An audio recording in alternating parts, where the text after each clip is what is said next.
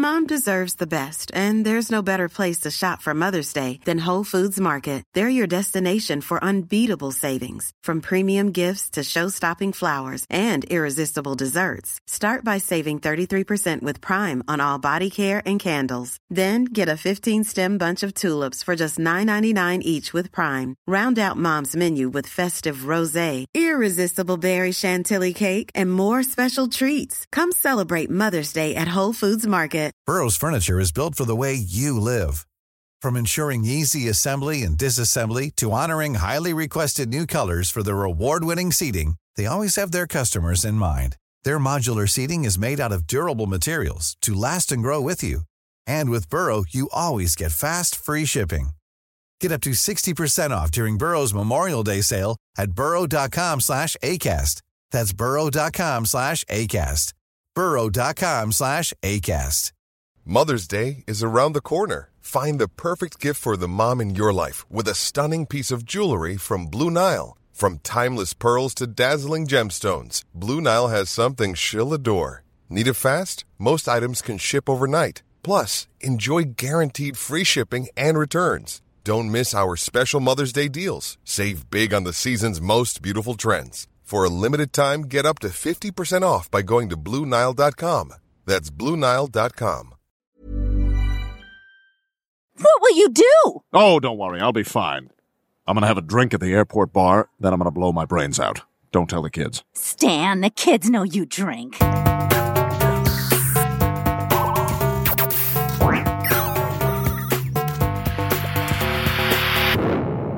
Velkommen til Sinnsyn. Jeg heter Sondre Risom Livre, er psykolog, og dette er Webpsykologens podkast. Hverdagspsykologi for fagfolk og folk flest.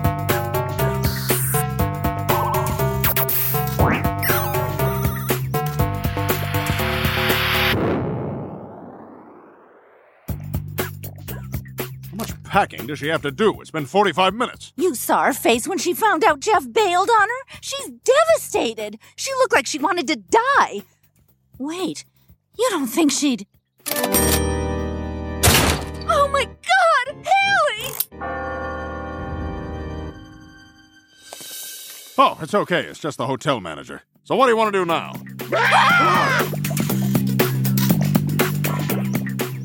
Selvmord er alvorlig, men tematikken veier så tungt at det nesten er umulig å håndtere den uten at man lener seg på galgenhumor. Jeg spiller inn denne episoden i kjølvannet av Ari Behns selvmord. Han tok sitt eget liv første juledag 2019, og for mange preget det hele romjulen og begynnelsen av det nye året. Det gjorde også et sterkt inntrykk på meg, kanskje fordi jeg også hadde lest Inferno, et skrekkenjagende manus hvor Ari Behn allerede i 2018 varslet sitt selvmord i en bok som blir mørkere og mørkere for hver side man leser. Jeg fikk et inntrykk av en mann som gjorde depresjon og selvmord om til performancekunst, og det vakte en viss uro i meg. Særlig fordi jeg også så at dette selvmordet fikk enormt mye oppmerksomhet, og gjerne oppmerksomhet av typen forståelse og gode ord, noe som nesten virket inspirerende på enkelte skjebner som allerede gikk rundt med suicidale tanker.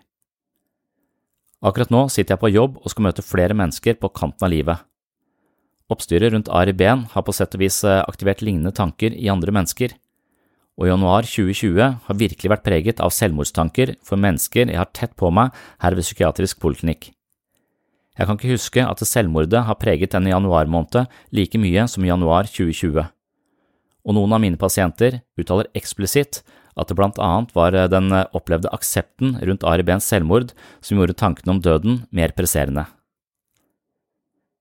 Dagens episode skal bli en kort refleksjon over ulike diagnoser vi assosierer til selvmord, samt noen betraktninger rundt den viktigste faktoren til at folk begår selvmord, nemlig ensomhet.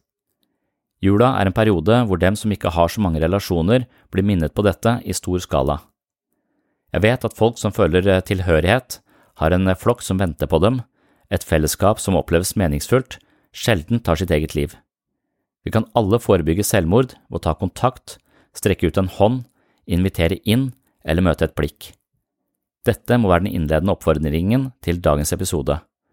For den som eventuelt føler seg støtt av humorinnslag i en episode om selvmord, vil jeg beklage, men påstå at dette er et tema som alle bør vite noe om, og da må man kanskje formidle det med grep som gjør at det ikke blir for tungt å bære. Trouble dating a little bit, uh, if you couldn't tell. But my friends say it's because I, I drink too much. And I quit drinking for three months because I seriously thought I had a problem. Uh, but it turns out I'm just super lonely. Like, my rock bottom was when I was out at a bar uh, paying for my own drinks because I'm an independent woman, okay? And my parents take care of me. And I get a text from Bank of America that's like, you overdrew your account, you need to put money in. And I responded, come over. I vår kultur assosierer vi selvmordet med en form for psykisk lidelse. I denne forbindelse er det noen diagnoser hvor risikoen for suicid er høyere. Det gjelder blant annet ved schizofreni, rusmisbruk og depresjon. Det er imidlertid en faktor som på sett og vis ligger dypere enn både diagnoser og konkrete livsomstendigheter, nemlig følelsen av ensomhet. Her handler det ikke bare om fravær av andre mennesker, men snarere en mer eksistensiell form for ensomhet. Følelsen av å bli sett, akseptert, forstått og dermed evnen til å inngå i en nær og fortrolig relasjon med et annet menneske, er kanskje det mest selvmordsforebyggende som finnes. Psykiske problemer innebærer ofte at vi ikke får nok ut av våre relasjoner til andre mennesker, og resultatet er ofte en dyptgripende følelse av ensomhet. I denne forbindelse er det også at eh, vårt nærvær i forhold til selvmordstruede mennesker kan ha en enorm betydning. Hver og en av oss kan gjøre en forskjell for et annet menneske ved å bry oss, henvende oss, invitere og vise interesse. Så enkelt og så vanskelig kan det være å redde et annet liv. Og jula er høysesong for ensomhet. Januar er også høysesong for selvmord. Håper du som hører på dette, gjør en notis av dette og tar det med deg inn i juleferien og videre inn i hverdagslivet. Dette blir en kort episode om ensomhet og selvmord. Jeg vil begynne med et kort innlegg fra et foredrag jeg holdt i 2013. Temaet er forholdet mellom psykiske lidelser og selvmord. I vår kultur så, eh, så assosierer, vi selvmordet med, med en form for uh, psykisk lidelse veldig ofte. Ikke alltid, men, uh, men ofte så forbinder vi det med, med, psykiske problemer. Og da er det spesielt depresjon og rusmisbruk som er de diagnosene som er nærmest knytta til selvmord. Og da er det 25-30% av mennesker som lider av alvorlig depresjon, har tanker om å begå selvmord. Men 90% av dem som forsøker å begå selvmord, opplevde en depresjon i forkant. Eh, så det kommer vi til å snakke om eh, litt mer etter hvert. Altså, det er forskjellige former for depresjon her, men, men depresjon er kanskje den viktigste årsaksfaktoren eh, som, til, til, selvmord. Rusmisbruk er omtrent like, like avgjørende. Og så er det også bipolar lidelse. 3% av pasienter som har bipolar lidelse, dør ved selvmord. Her står det det er for mange forskjellige studier, så 25-90% utfører minst ett selvmordsforsøk. Og Der er det ofte i den depressive fasen, selvfølgelig. En, en, gjennomgripende følelse av håpløshet er den største risikofaktoren i forhold til selvmord hos de med bipolar lidelse. Så da er det bipolar lidelse, altså at eh, du har store stemningssvingninger, at du kan være høyt oppe og lavt nede. Da er det jo lavt nede at eh, selvmordstrusselen er, er, høy. Akkurat i forhold til bipolar lidelse så, så, er også, eh, så, er det også, noen studier som viser at kreative mennesker er mer utsatt for selvmord. Men da er det ofte at eh, de kreative menneskene som i denne kategorien, da, i disse studiene, har ofte en bipolar lidelse. At kreativiteten har, er forbundet med manien. Man, kreative mennesker er tett på følelsene sine. Sånn at de er tett på og kan bruke følelsene, men de kan også fanges av de, spesielt i, i, i perioder hvor de er eh, langt nede, eh, og handle på de. Så at man hele tiden er kanskje litt tett, for tett på følelsene sine. Siste gruppe som er utsatt, er, eh, er eh, schizofrene. 20-40% av schizofrene utfører eh, selvmordsforsøk, eh, og 10 er vellykka. Igjen er det depresjon som er den største eh, risikofaktoren assosiert med schizofreni og selvmord. Litt, litt, spesielt, tror jeg, for schizofrene er er kanskje den, den diagnosegruppa som vi har dårligst som har dårligst prognose, da, som vi er dårligst på å behandle. Man, man, har ikke funnet noen veldig vellykka behandlingsmetoder for å hjelpe schizofrene mennesker. Og det er mange som mener at det handler om at vi ikke finner en slags felles plattform i møte med den schizofrene. Ofte så er den schizofrene sin opplevelsesverden såpass mye annerledes enn en terapeutens eller den som møter eh, vedkommende, at det er vanskelig å trenge inn i den andres opplevelsesverden. Og Da kommer denne komponenten av ensomhet igjen. Schizofrene rapporterer veldig ofte å være, føle seg ekstremt ensomme med sine opplevelser. Deres opplevelser har ikke noe gjenklang i fellesskapet rundt dem, og dermed så blir de også totalt isolert med denne opplevelsen. Ofte så prøver de å uttrykke opplevelsene sine, eh, men for andre så høres det, eh, er det vanskelig å leve seg, leve seg inn i. Hvordan er det å bli overvåka av Pentagon, eller at noen har plassert forskjellige overvåkningsting inni, inni hodet. Det høres for andre ut. Jeg vet ikke hvordan det eh, oppleves. Man kan kanskje nærme seg en opplevelse av det, men, men det er vanskelig. Når jeg møter mennesker som er deprimerte eller har angst eller føler seg fanga av følelser og er følelsesmessig ustabile, så gir det en gjenklang i meg. Jeg vet hvordan det er å være en FR. Jeg vet hvordan det er å, å, å ha angst. Har, det er en slags plattform hvor jeg en Jeg kan ikke forstå den andre fullt ut, men jeg, jeg, vi kan møtes et eller annet sted der. Dermed så tror jeg den der, terapi handler om denne følelsen av å bli forstått og, og være sammen med et annet menneske som på en måte kan leve seg inn i og ha en forståelse for de problemene man har. Og det er kurativt. Det er dette fellesskapet, denne følelsen av å være forstått, som er kurativt. Schizofrene mangler ofte den. Det er ikke så mange som klarer å komme, trenge inn i denne verden, den er ofte ganske eh, isolert. Så Derfor så tror jeg også denne, denne gruppa er spesielt utsatt for, eh, eh for selvmord. I think it's kind of sad that we, we live in a society where you're not allowed to enjoy things if, if you're on your own. Um, it's like why shouldn't I why shouldn't I be able to enjoy doing things by myself like like going to the movies or going out to eat or going on a scavenger hunt or or going to Disney World. It's perfectly acceptable. Um, it's funny you you can take the happiest, most joyful occurrence in the world, but then you throw on the tagline that you are by yourself and all of a sudden everyone freaks out and it becomes this huge tragedy. like, um, like, oh yeah, what'd you do this last weekend, Drew? Well, actually, I, I had a picnic in, in an enchanted forest. It was great. Oh, that sounds really cool. Who who'd you go with? No, actually, I was just on my own. What? I'm I'm really sorry. No, no, no, no, no. It's fine. Uh, there was a unicorn. There was a mystical wizard. Don't worry. I'm sure you'll find someone soon. It's funny though.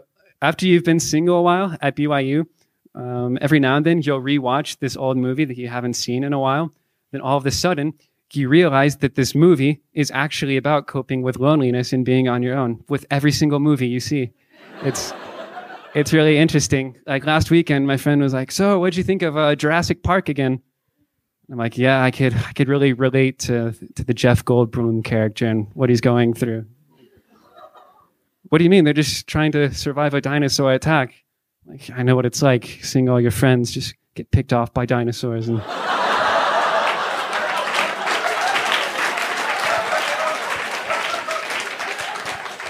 out there on your own. Don't worry, I'm sure you'll find someone soon.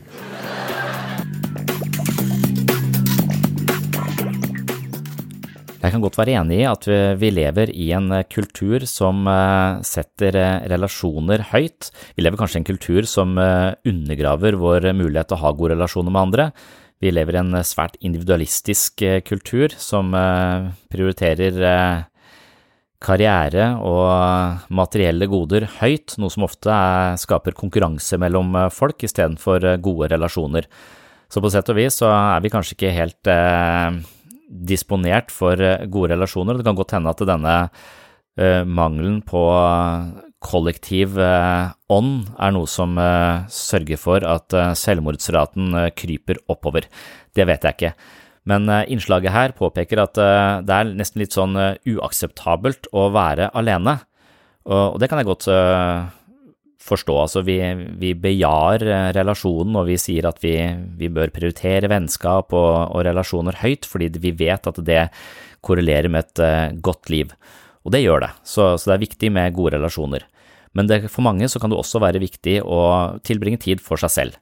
Men det er en stor forskjell på om denne tiden man tilbringer for seg selv, er valgt eller et sted man bare har havnet i mangel på gode relasjoner. For de som trekker seg unna for å ta en, en liten sosial pause og finne seg selv, særlig kanskje mennesker som er introverte av natur, de trenger tid for seg selv for å puste, sortere tanker og hvile før de kan tre inn i det sosiale fellesskapet igjen. Men hvis man gjør sånne små retrett inn i ensomheten, og dette er noe man har valgt, så er jo det en måte å drive rekreasjon på. Men for de som eh, havner der uten å ha valgt det, og som hele tiden føler seg eh, ensomme og utenfor eller annerledes, så er dette ikke en god situasjon i det hele tatt. Så jeg forstår eh, argumentene til standup-komikeren som sier at vi han synes det er trist at vi lever i en kultur hvor det ikke er lov til å være alene, og at andre syns synd på deg hvis du gjør ting alene. Men man kan jo si at det, det er litt synd på de som eh, ikke velger ensomheten, men havner der. Og det er de menneskene vi bør kanskje invitere inn, og spesielt nå i, i jula, men selvfølgelig også hele, hele året. Det å være ensom, hvis det er en uh, valgt situasjon, så er man ikke ensom. Da, da driver man rekreasjon. Det, ensomhet er Når det er en negativ ting, så er det noe man havner i uforvarende fordi man på en eller annen måte ikke klarer å få det ut av relasjoner til andre som man trenger. Nå skal jeg gå over til en uh, kort artikkel som handler om ulike typer ensomhet og isolasjon. For her finnes det også uh, måter å differensiere ensomhet på, hvor noen typer ensomhet kanskje er verre enn andre.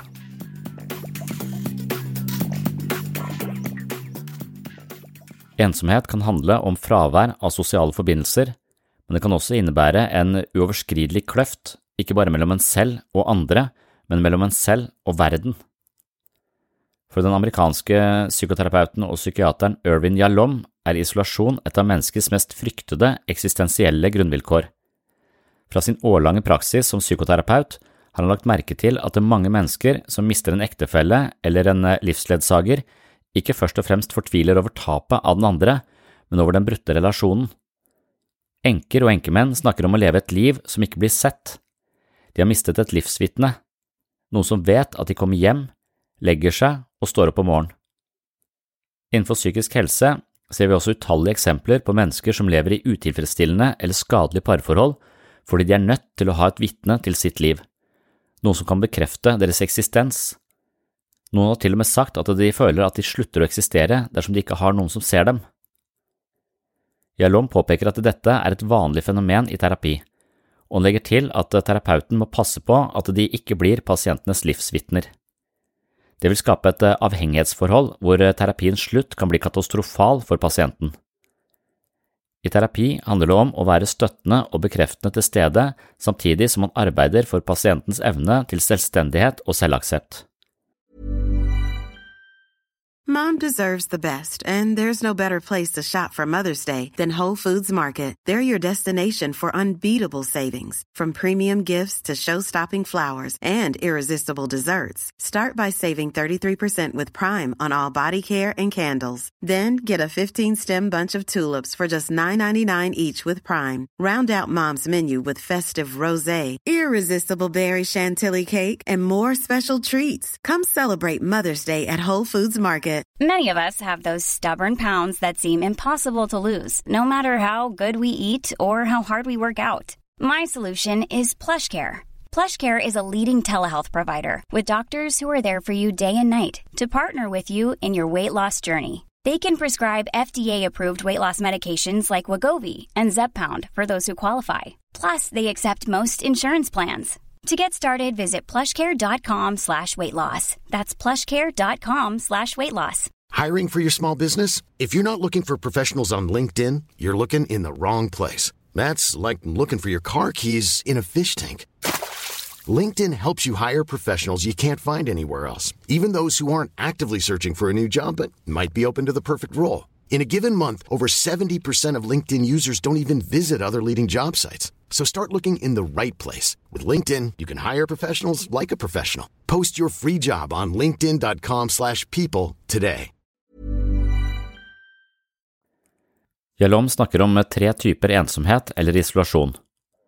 Den første er interpsykisk isolasjon.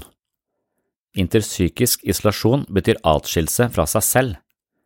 Dette kan vi se hos mennesker som i liten grad tar hensyn til egne følelser og behov.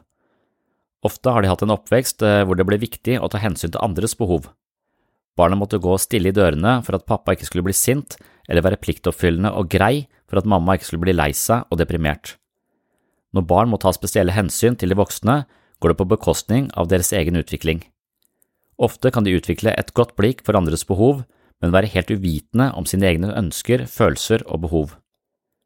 I slike tilfeller mister man kontakten til sitt eget indre liv, og man kan føle seg tom eller utbrent.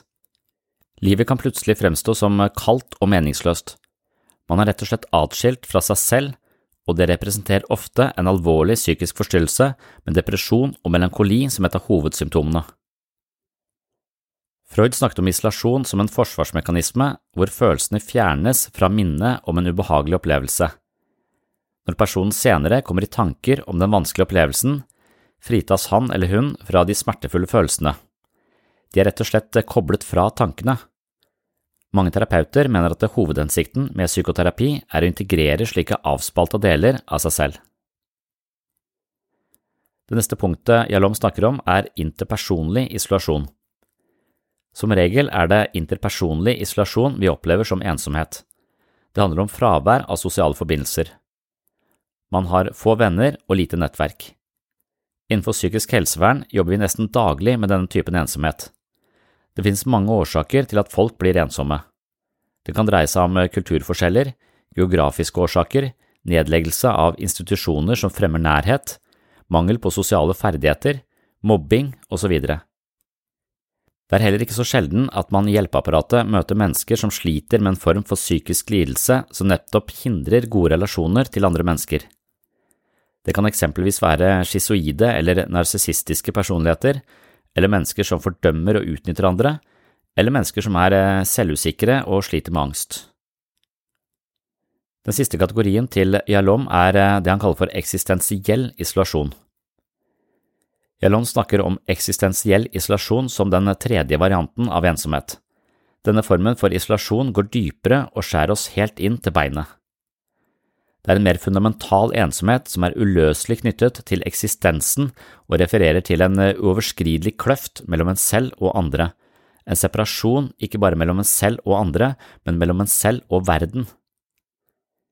Jalom kobler eksistensiell isolasjon til døden. Det er ansikt til ansikt med døden at vår fundamentale ensomhet blir tydeligst. I antikken ble herskere og mennesker i maktposisjoner gravlagt med masse gods og eventuelt noen følgesvenner. På sett og vis er det kanskje et bilde på vår frykt for ensomheten ved veis ende. Vi fødes og dør alene, og slik er rammen rundt vårt liv. Når vi kommer i kontakt med denne typen eksistensielle erkjennelser, gjerne i sammenheng med kriser eller tragedier, er det en grunnleggende frykt som griper oss en eksistensiell angst, og dette er kanskje den mest hardtslående formen for ensomhet som mennesket opplever. Dette var også fra en eh, artikkel som jeg skrev for eh, mange, mange år siden, mye basert på boka til Yalom, en kort, liten bok som heter eh, Religion og psykiatri, så vidt jeg husker. Ensomhet er også en tematikk som har vært veldig aktuell nå i januar måned i 2020.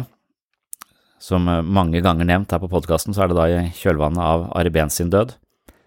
Og ensomhet eh, har eh, også da kommet frem som et, som et, viktig tema som jeg snakker om nesten hver dag med mennesker her på poliklinikken.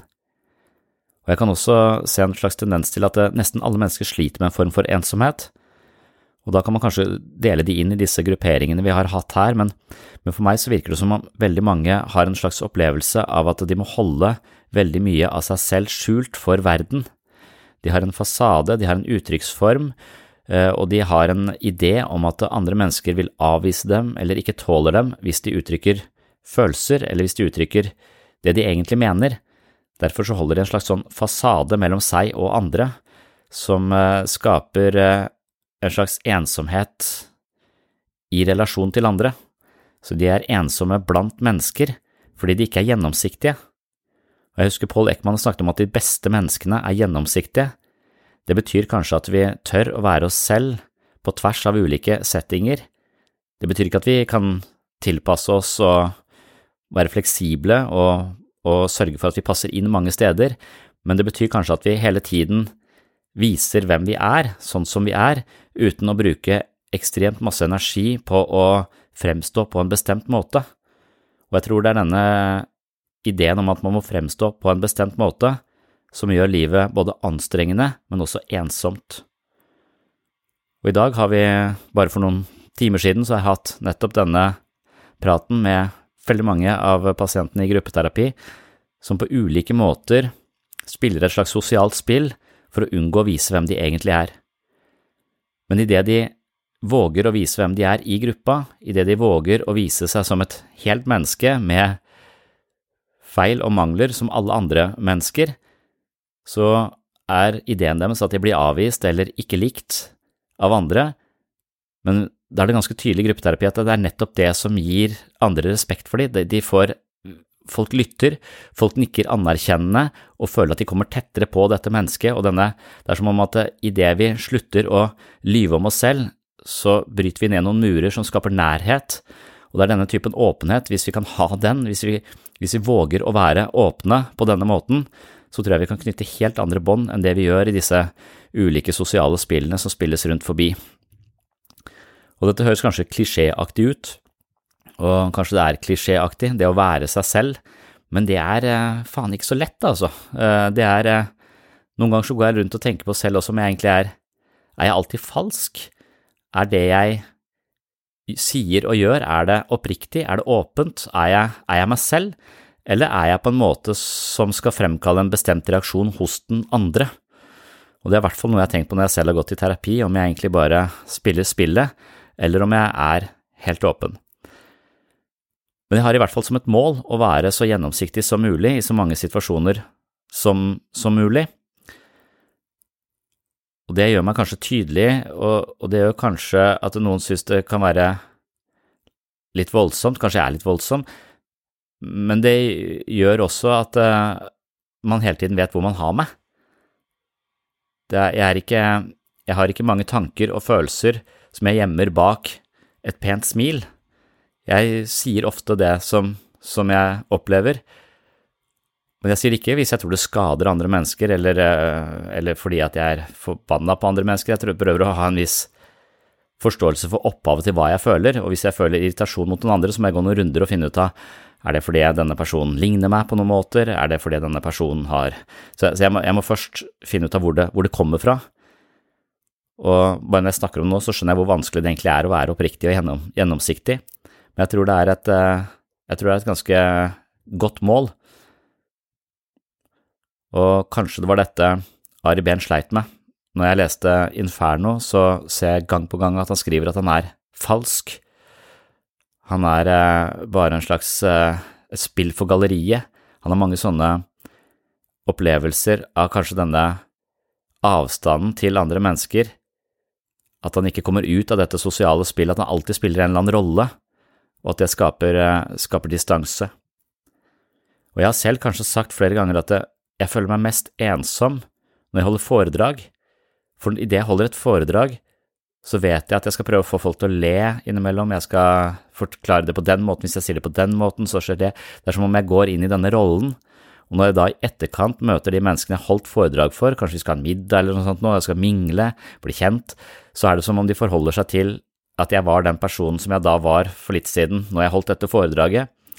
Og i større og større grad så prøver jeg å være meg selv også i foredragene, fordi hvis jeg har spilt en eller annen helt spesiell rolle, så føler jeg en sånn ekstrem ensomhet etterpå, at jeg går rundt der og de henvender, meg, henvender seg til meg som om jeg var den jeg akkurat var, men så er det som om det er litt på siden av den jeg egentlig er, og da, da, da, er det nesten mer ensomt å være sammen med de folka enn å gå tilbake på hotellrommet og være aleine.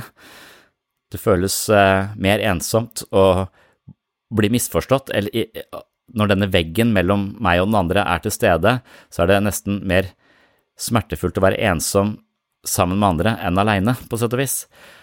Så derfor så, så, ser jeg det tydelig når jeg underviser og nå har jeg en eller annen sånn spesiell rolle jeg går inn i, at jeg av og til tenker nå spiller jeg bare denne psykologforedragsholder-varianten av meg selv, og så kan jeg gå tilbake og senke skuldrene. Men jo mer jeg klarer å være gjennomsiktig også i en foredragssammenheng, jo mindre anstrengende blir det. Og det samme på hjemmebane sammen med, med kona mi.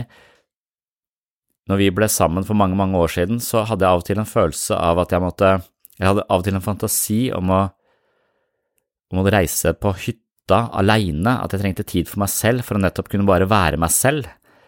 Og det tok lang tid, kanskje jeg vet ikke hvor lang tid det tok, men det tok lang tid før jeg, den fantasien forsvant, og den fantasien forsvant når jeg følte at jeg kunne være 100% meg selv sammen med henne. Så nå er fantasiene mine at jeg og henne bare kan være sammen, for da kan jeg være absolutt meg selv. Og det tror jeg heller ikke er så lett, å være absolutt seg selv sammen med et annet menneske, kunne hvile som om man var alene sammen med et annet menneske, og det er vel den mest intime kontakten man på en måte kan ha. Hvis noen kommer så nær deg, så er det helt fantastisk, for da er du, da er du i hvert fall aldri eh, ensom. Og i dag har dette også vært tema, det er derfor jeg snakker om det nå, tror jeg. Det er to, flere stykker som snakket om at de, de har jo, de er i parforhold, men de føler likevel denne avstanden og denne trangen til å, å, å være noe for seg sjøl for å kunne på en måte senke skuldrene uten at de helt klarer å presisere hva det dreier seg om. Men kanskje det har noe med dette, dette å gjøre, denne, denne følelsen at vi aldri kan være helt oss selv. Og det tror jeg er en uh, gedigen misforståelse. Vi, ikke, vi, tror det å vise følelser eller være gjennomsiktig er å være sårbar. Og den ideen har vi fordi folk har skada oss, sannsynligvis. Og for meg så er det å være gjennomsiktig og sårbar kanskje ikke så farlig, for jeg har ikke blitt skada så mye. Derfor så er uh, veien til gjennomsiktighet lettere, selv om jeg ikke synes det er noe lett for meg selv heller. Så kan jeg kanskje forstå hvorfor den er så vanskelig for, for de som har opplevd mye faenskap. Ja. Hvis eh, alt går etter planen, så, så blir denne episoden eh, publisert eh, første juledag, akkurat ett år siden Ari Behn eh, døde. Eh,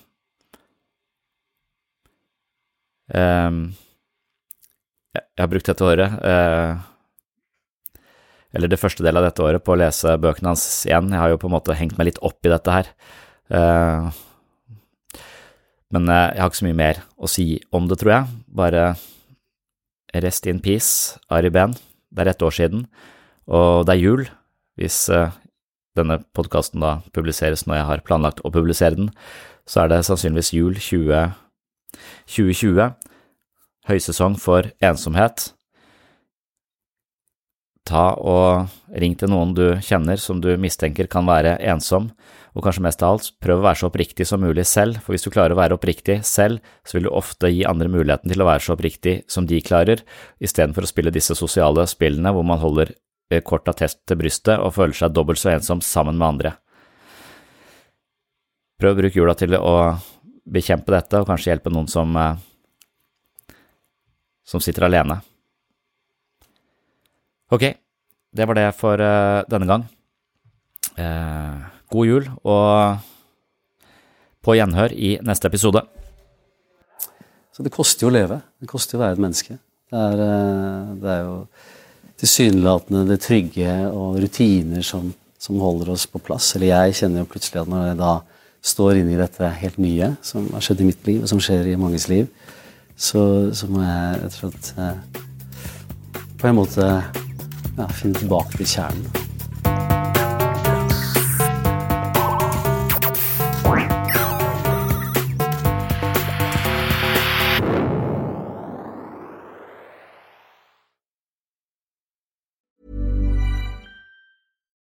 Here's a cool fact a crocodile can't stick out its tongue. Another cool fact you can get short term health insurance for a month or just under a year in some states. United Healthcare short term insurance plans are designed for people who are between jobs, coming off their parents' plan, or turning a side hustle into a full time gig. Underwritten by Golden Rule Insurance Company, they offer flexible, budget friendly coverage with access to a nationwide network of doctors and hospitals. Get more cool facts about United Healthcare short term plans at uh1.com. Planning for your next trip? Elevate your travel style with Quince. Quince has all the jet setting essentials you'll want for your next getaway, like European linen, premium luggage options, buttery soft Italian leather bags, and so much more. And is all priced at 50 to 80% less than similar brands. Plus, Quince only works with factories that use safe and ethical manufacturing practices. Pack your bags with high-quality essentials you'll be wearing for vacations to come with Quince. Go to quince.com slash pack for free shipping and 365-day returns. Mom deserves the best, and there's no better place to shop for Mother's Day than Whole Foods Market. They're your destination for unbeatable savings, from premium gifts to show-stopping flowers and irresistible desserts. Start by saving 33% with Prime on all body care and candles. Then get a 15-stem bunch of tulips for just $9.99 each with Prime. Round out Mom's menu with festive rosé, irresistible berry chantilly cake, and more special treats. Come celebrate Mother's Day at Whole Foods Market.